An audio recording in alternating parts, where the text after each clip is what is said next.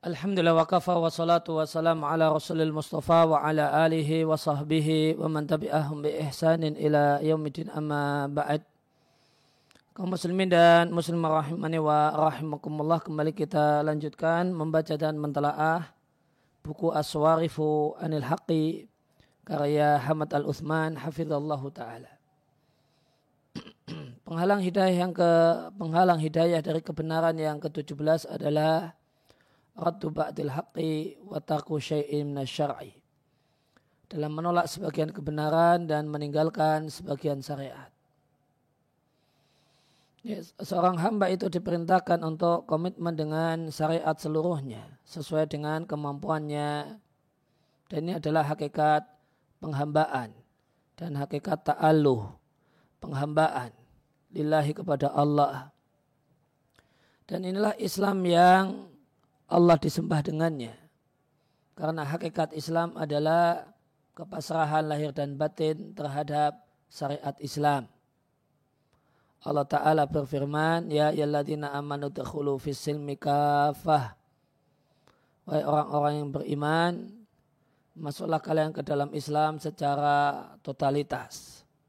Wala tattabi'u khutuwati syaitan innahu lakum aduwwum mubin dan janganlah kalian mengikuti langkah-langkah setan sehingga setan bagi kalian adalah musuh yang nyata. Ibnu Katsir rahimahullah taala mengatakan yaqulullahu taala Allah taala berfirman memerintahkan hamba-hambanya yang beriman yang beriman kepada rasulnya agar mengambil semua ikatan Islam dan semua syariat Islam dan mengamalkan semua perintah-perintahnya dan meninggalkan semua larangan-larangannya mastata'u min dalik selama mereka mampu melakukan hal itu. Dan waluzumu syar'i kullihi dan komitmen dengan syariat seluruhnya adalah muktada konsekuensi dari syahadat Muhammadur Rasulullah. Wa ma'atakum rasulu fakhuduhu wa manahakum anhu fantahu. Semua yang diberikan oleh Rasul ambillah dan semua yang dilarang berhentilah. Dan ini adalah hakikat itiba kepada Nabi alaihi salatu wassalam. Abul Qasim al-Asbahani mengatakan al-itiba indal ulama'i itiba menurut para ulama artinya adalah mengambil di sunnah-sunnah atau ajaran Rasulullah sallallahu alaihi wasallam.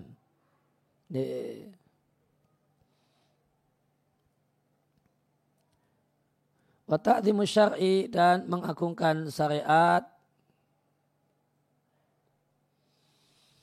bagian dari memuliakan Allah. Jadi adalah dalil banyaknya iman yang dimiliki oleh seseorang. Allah Ta'ala berfirman, وَمَا يُعَظِمْ شَعَائِرَ اللَّهِ فَإِنَّهَا مِنْ تَقْوَى الْقُلُوبِ Dan barang siapa yang mengagungkan syiar agama Allah fa innah min taqwal qulub. Maka sesungguhnya itu adalah bagian dari ketakwaan hatinya. Waluzumu syar'i wa ta'atu rasuli. Dan komitmen dengan syariat dan taat kepada sang rasul itu mendatangkan hidayah dan akan menyelamatkan dari riwayah dari kesesatan sebagaimana firman Allah Ta'ala wa intuti'uhu tahtadu dan jika kalian e, taat kepadanya niscaya kalian akan e, e, niscaya kalian akan mendapatkan hidayah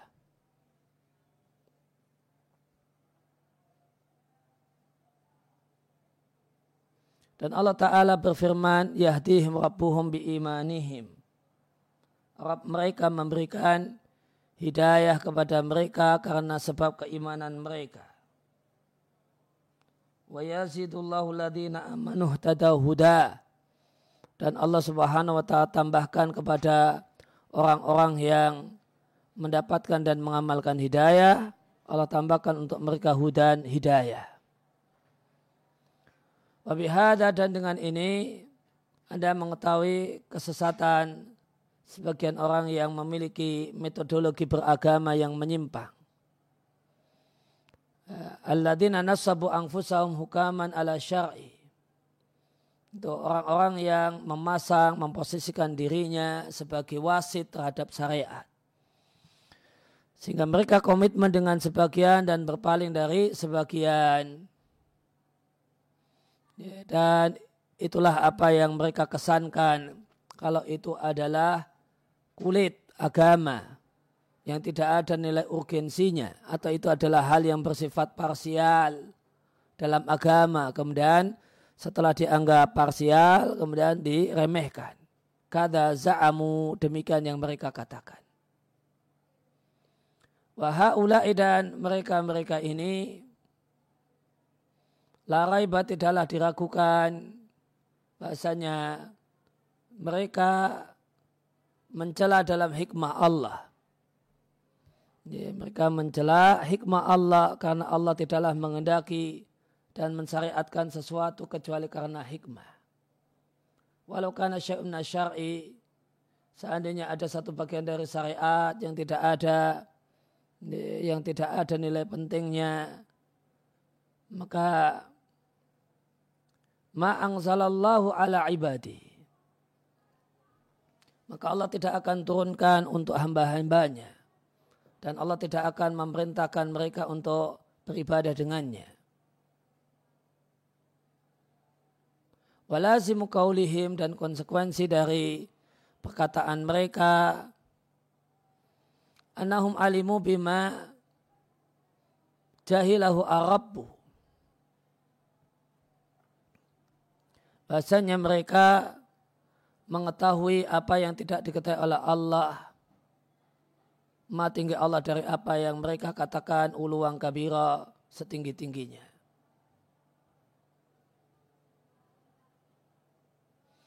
Wahaulai dan mereka-mereka ini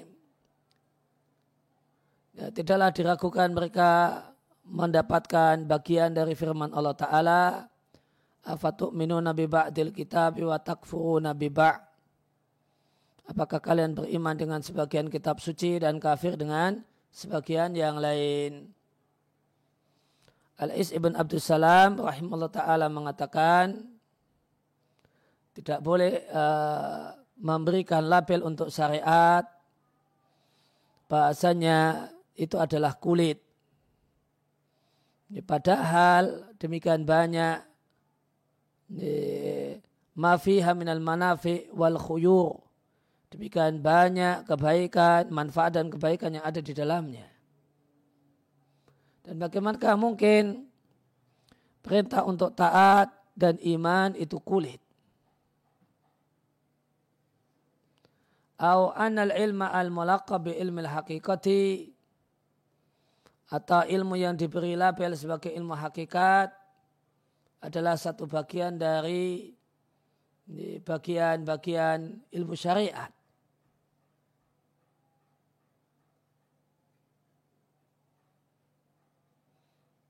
Maka kata maka maka kita lihat di sini di kalimat yang kedua uh, beliau ma, uh, Al-Is ibn Abdul Salam ini mazhabnya Syafi'i beliau menentang dan tidak sepakat dengan pelabelan ilmu uh, di, atau anggapan bahasanya ilmu hakikat itu bagian dari ilmu syariat. Ini. Dan hakikat di sini nampaknya yang dimaksudkan adalah uh, ilmu hakikat yang biasa diklaim oleh orang-orang sufi.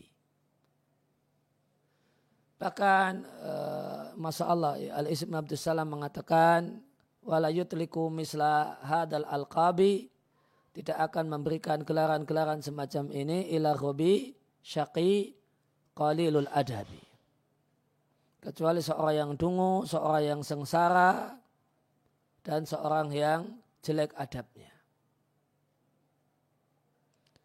Seandainya dikatakan kepada salah satu mereka perkataan gurumu itu kulit, la angkara dalika niscaya dia akan mengingkari hal itu betul-betul dia ingkari. Maka tidak boleh digunakan kata-kata kulit untuk syariat dan tidak ada syariat kecuali kitabullah Al-Quran dan sunnah Rasulnya. Maka kata Al-Is ibn Abdussalam, wa yu'azziru hadal jahilu. Maka orang yang bodoh ini diberi hukuman takzir, takziran dengan satu takzir, yaliku bimisli hadha dhanbi, yang layak dengan dosa semacam ini. Maka beliau menilai, memberikan label syariat dengan kulit, kemudian art yang maknanya diremehkan, tidak perlu diperhatikan, dibuang. Orang yang mengucapkannya berhak untuk mendapatkan takzir. Wal abdu idha dhikra dalili. Dan seorang hamba jika diingatkan dengan dalil untuk pendapat yang menyelisih kebenaran, wajib padanya tunduk kepada kebenaran, menerimanya dan patuh kepadanya. Dan inilah konsekuensi iman. Allah Ta'ala berfirman, وَالَّذِينَ إِذَا ذُكِّرُوا بِآيَاتِ رَبِّهِمْ Dan orang-orang yang jika diingatkan dengan ayat-ayat Rabbnya, lam yakhiru alaiha, tidaklah tersungkur padanya, summa wa umyana, karena tuli dan buta. Wa kana sahabatu aqwaman nasi bil haqqi. Dan para sahabat adalah orang yang paling Eh, bersungguh-sungguh untuk menegakkan kebenaran. Luzuman membersamai kebenaran dan tunduk pada kebenaran. Karena mereka adalah manusia yang paling sempurna keimanannya. Umar bin Khattab radhiallahu anhu mendeskripsikan Abu Bakar As-Siddiq dengan mengatakan Sadikun barun rasyidun tabi'un lil haqqi. Seorang yang jujur, seorang yang baik, seorang yang benar langkah-langkahnya dan seorang yang mengikuti kebenaran. Dan Ibnu Abbas radhiallahu anhu mendeskripsikan Umar bin Khattab dengan mengatakan wa kana waqafan inda kitabillahi. Beliau adalah seorang yang betul-betul berhenti pada aturan dan hukum-hukum Allah. Dan seorang hamba jika nampak baginya kebenaran namun dia membencinya maka hamba semacam ini berhak untuk Allah tambahkan kesesatan. Allah tambahkan ruwayah kesesatan dan jauh dari kebenaran. Allah Ta'ala berfirman, Fala mazaru, tatkala mereka menginginkan sesat, azarallahu kulubahum. Allah sesatkan hati mereka. Dan Allah Ta'ala berfirman, Faliyahdaril ladina yukhalifuna an amrih. Orang-orang yang menyelisihi aturan Nabi hendaknya merasa takut. Antusibahum fitnah. Mereka tertimpa fitnah. Yaitu kerusakan dan atau tertimpa siksaan yang pedih. Imam Ahmad rahimahullah ta'ala mengatakan boleh jadi jika dia tolak sebagian perkataan Nabi ayaka fi qalbi syai'un nazairi masuk ke dalam hatinya satu unsur kesesatan maka Allah sesatkan hatinya sehingga Allah binasakan dirinya. Abu Bakar Siddiq radhiallahu anhu mengatakan, Inni arsya an taraktu syai'an min amri Rasulullah sallallahu alaihi wasallam an azira. Aku khawatir jika aku tinggalkan salah satu ajaran Rasulullah sallallahu alaihi wasallam, aku akan sesat. Maka Abu Bakar Siddiq menginformasikan bahasanya meninggalkan salah satu syariat itu sebab kesesatan. Terutama kesesatan sikap dan perbuatan. Renungkanlah perkataan Abu Bakar ini arsya in taraktu syai'an. Jika aku meninggalkan sesuatu dan syai'an di sini nakirah didahului syarat sehingga maknanya umum maka meninggalkan sesuatu apa pun dari syariat kecil ataukah besar itu sebab kesesatan. Allah Ta'ala berfirman, wa nuqallibu af'idatahum wa absarahum kama lam yu'minu bihi awwala marah. Kami bolak-balikkan hati mereka dan pandangan mereka karena mereka tidak mengimaninya di awal pertama kalinya mereka mendapatkan ya, mendapatkannya dan menjumpainya. Abu Abdillah ibnu Battah mengatakan fa'lam ya akhi ketahuilah wahai saudaraku eh, anna man kariha aswaba min ghairihi siapa yang tidak menyukai kebenaran yang ada pada orang lain dan menolong kesalahan yang ada pada dirinya, maka tidak ada jaminan padanya Allah akan cabut imannya. Li'anal haqqa min rasulillahi ilaika. Karena kebenaran itu datang dari Rasul Allah yang Allah utus kepadamu. Ufturida alaika ta'atuhu. Diwajibkan atasmu mentaati sang Rasul. Maka siapa yang mendengar kebenaran, maka siapa yang mendengar kebenaran, fa'angkarahu lalu mengingkarinya, ba'da ilmi hilahu setelah dia mengetahuinya, maka siapa yang mendengar kebenaran lantas mengingkarinya setelah mengetahuinya, fawa minal mutakabirina alallahi maka dia adalah bagian dari orang-orang yang sombong kepada Allah. Wa man al khoto'a dan siapa yang membela-bela pendapat yang salah, fahuwa min hisbi syaitan, maka dia adalah bagian dari golongan setan. Ibn Al-Qayyim mengatakan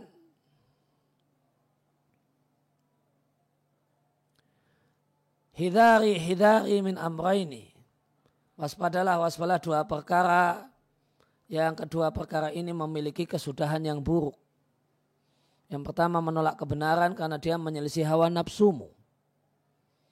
Fa'innaka tu'aqabu maka engkau akan dihukum dengan berbolak-baliknya hati. Dan waraddi ma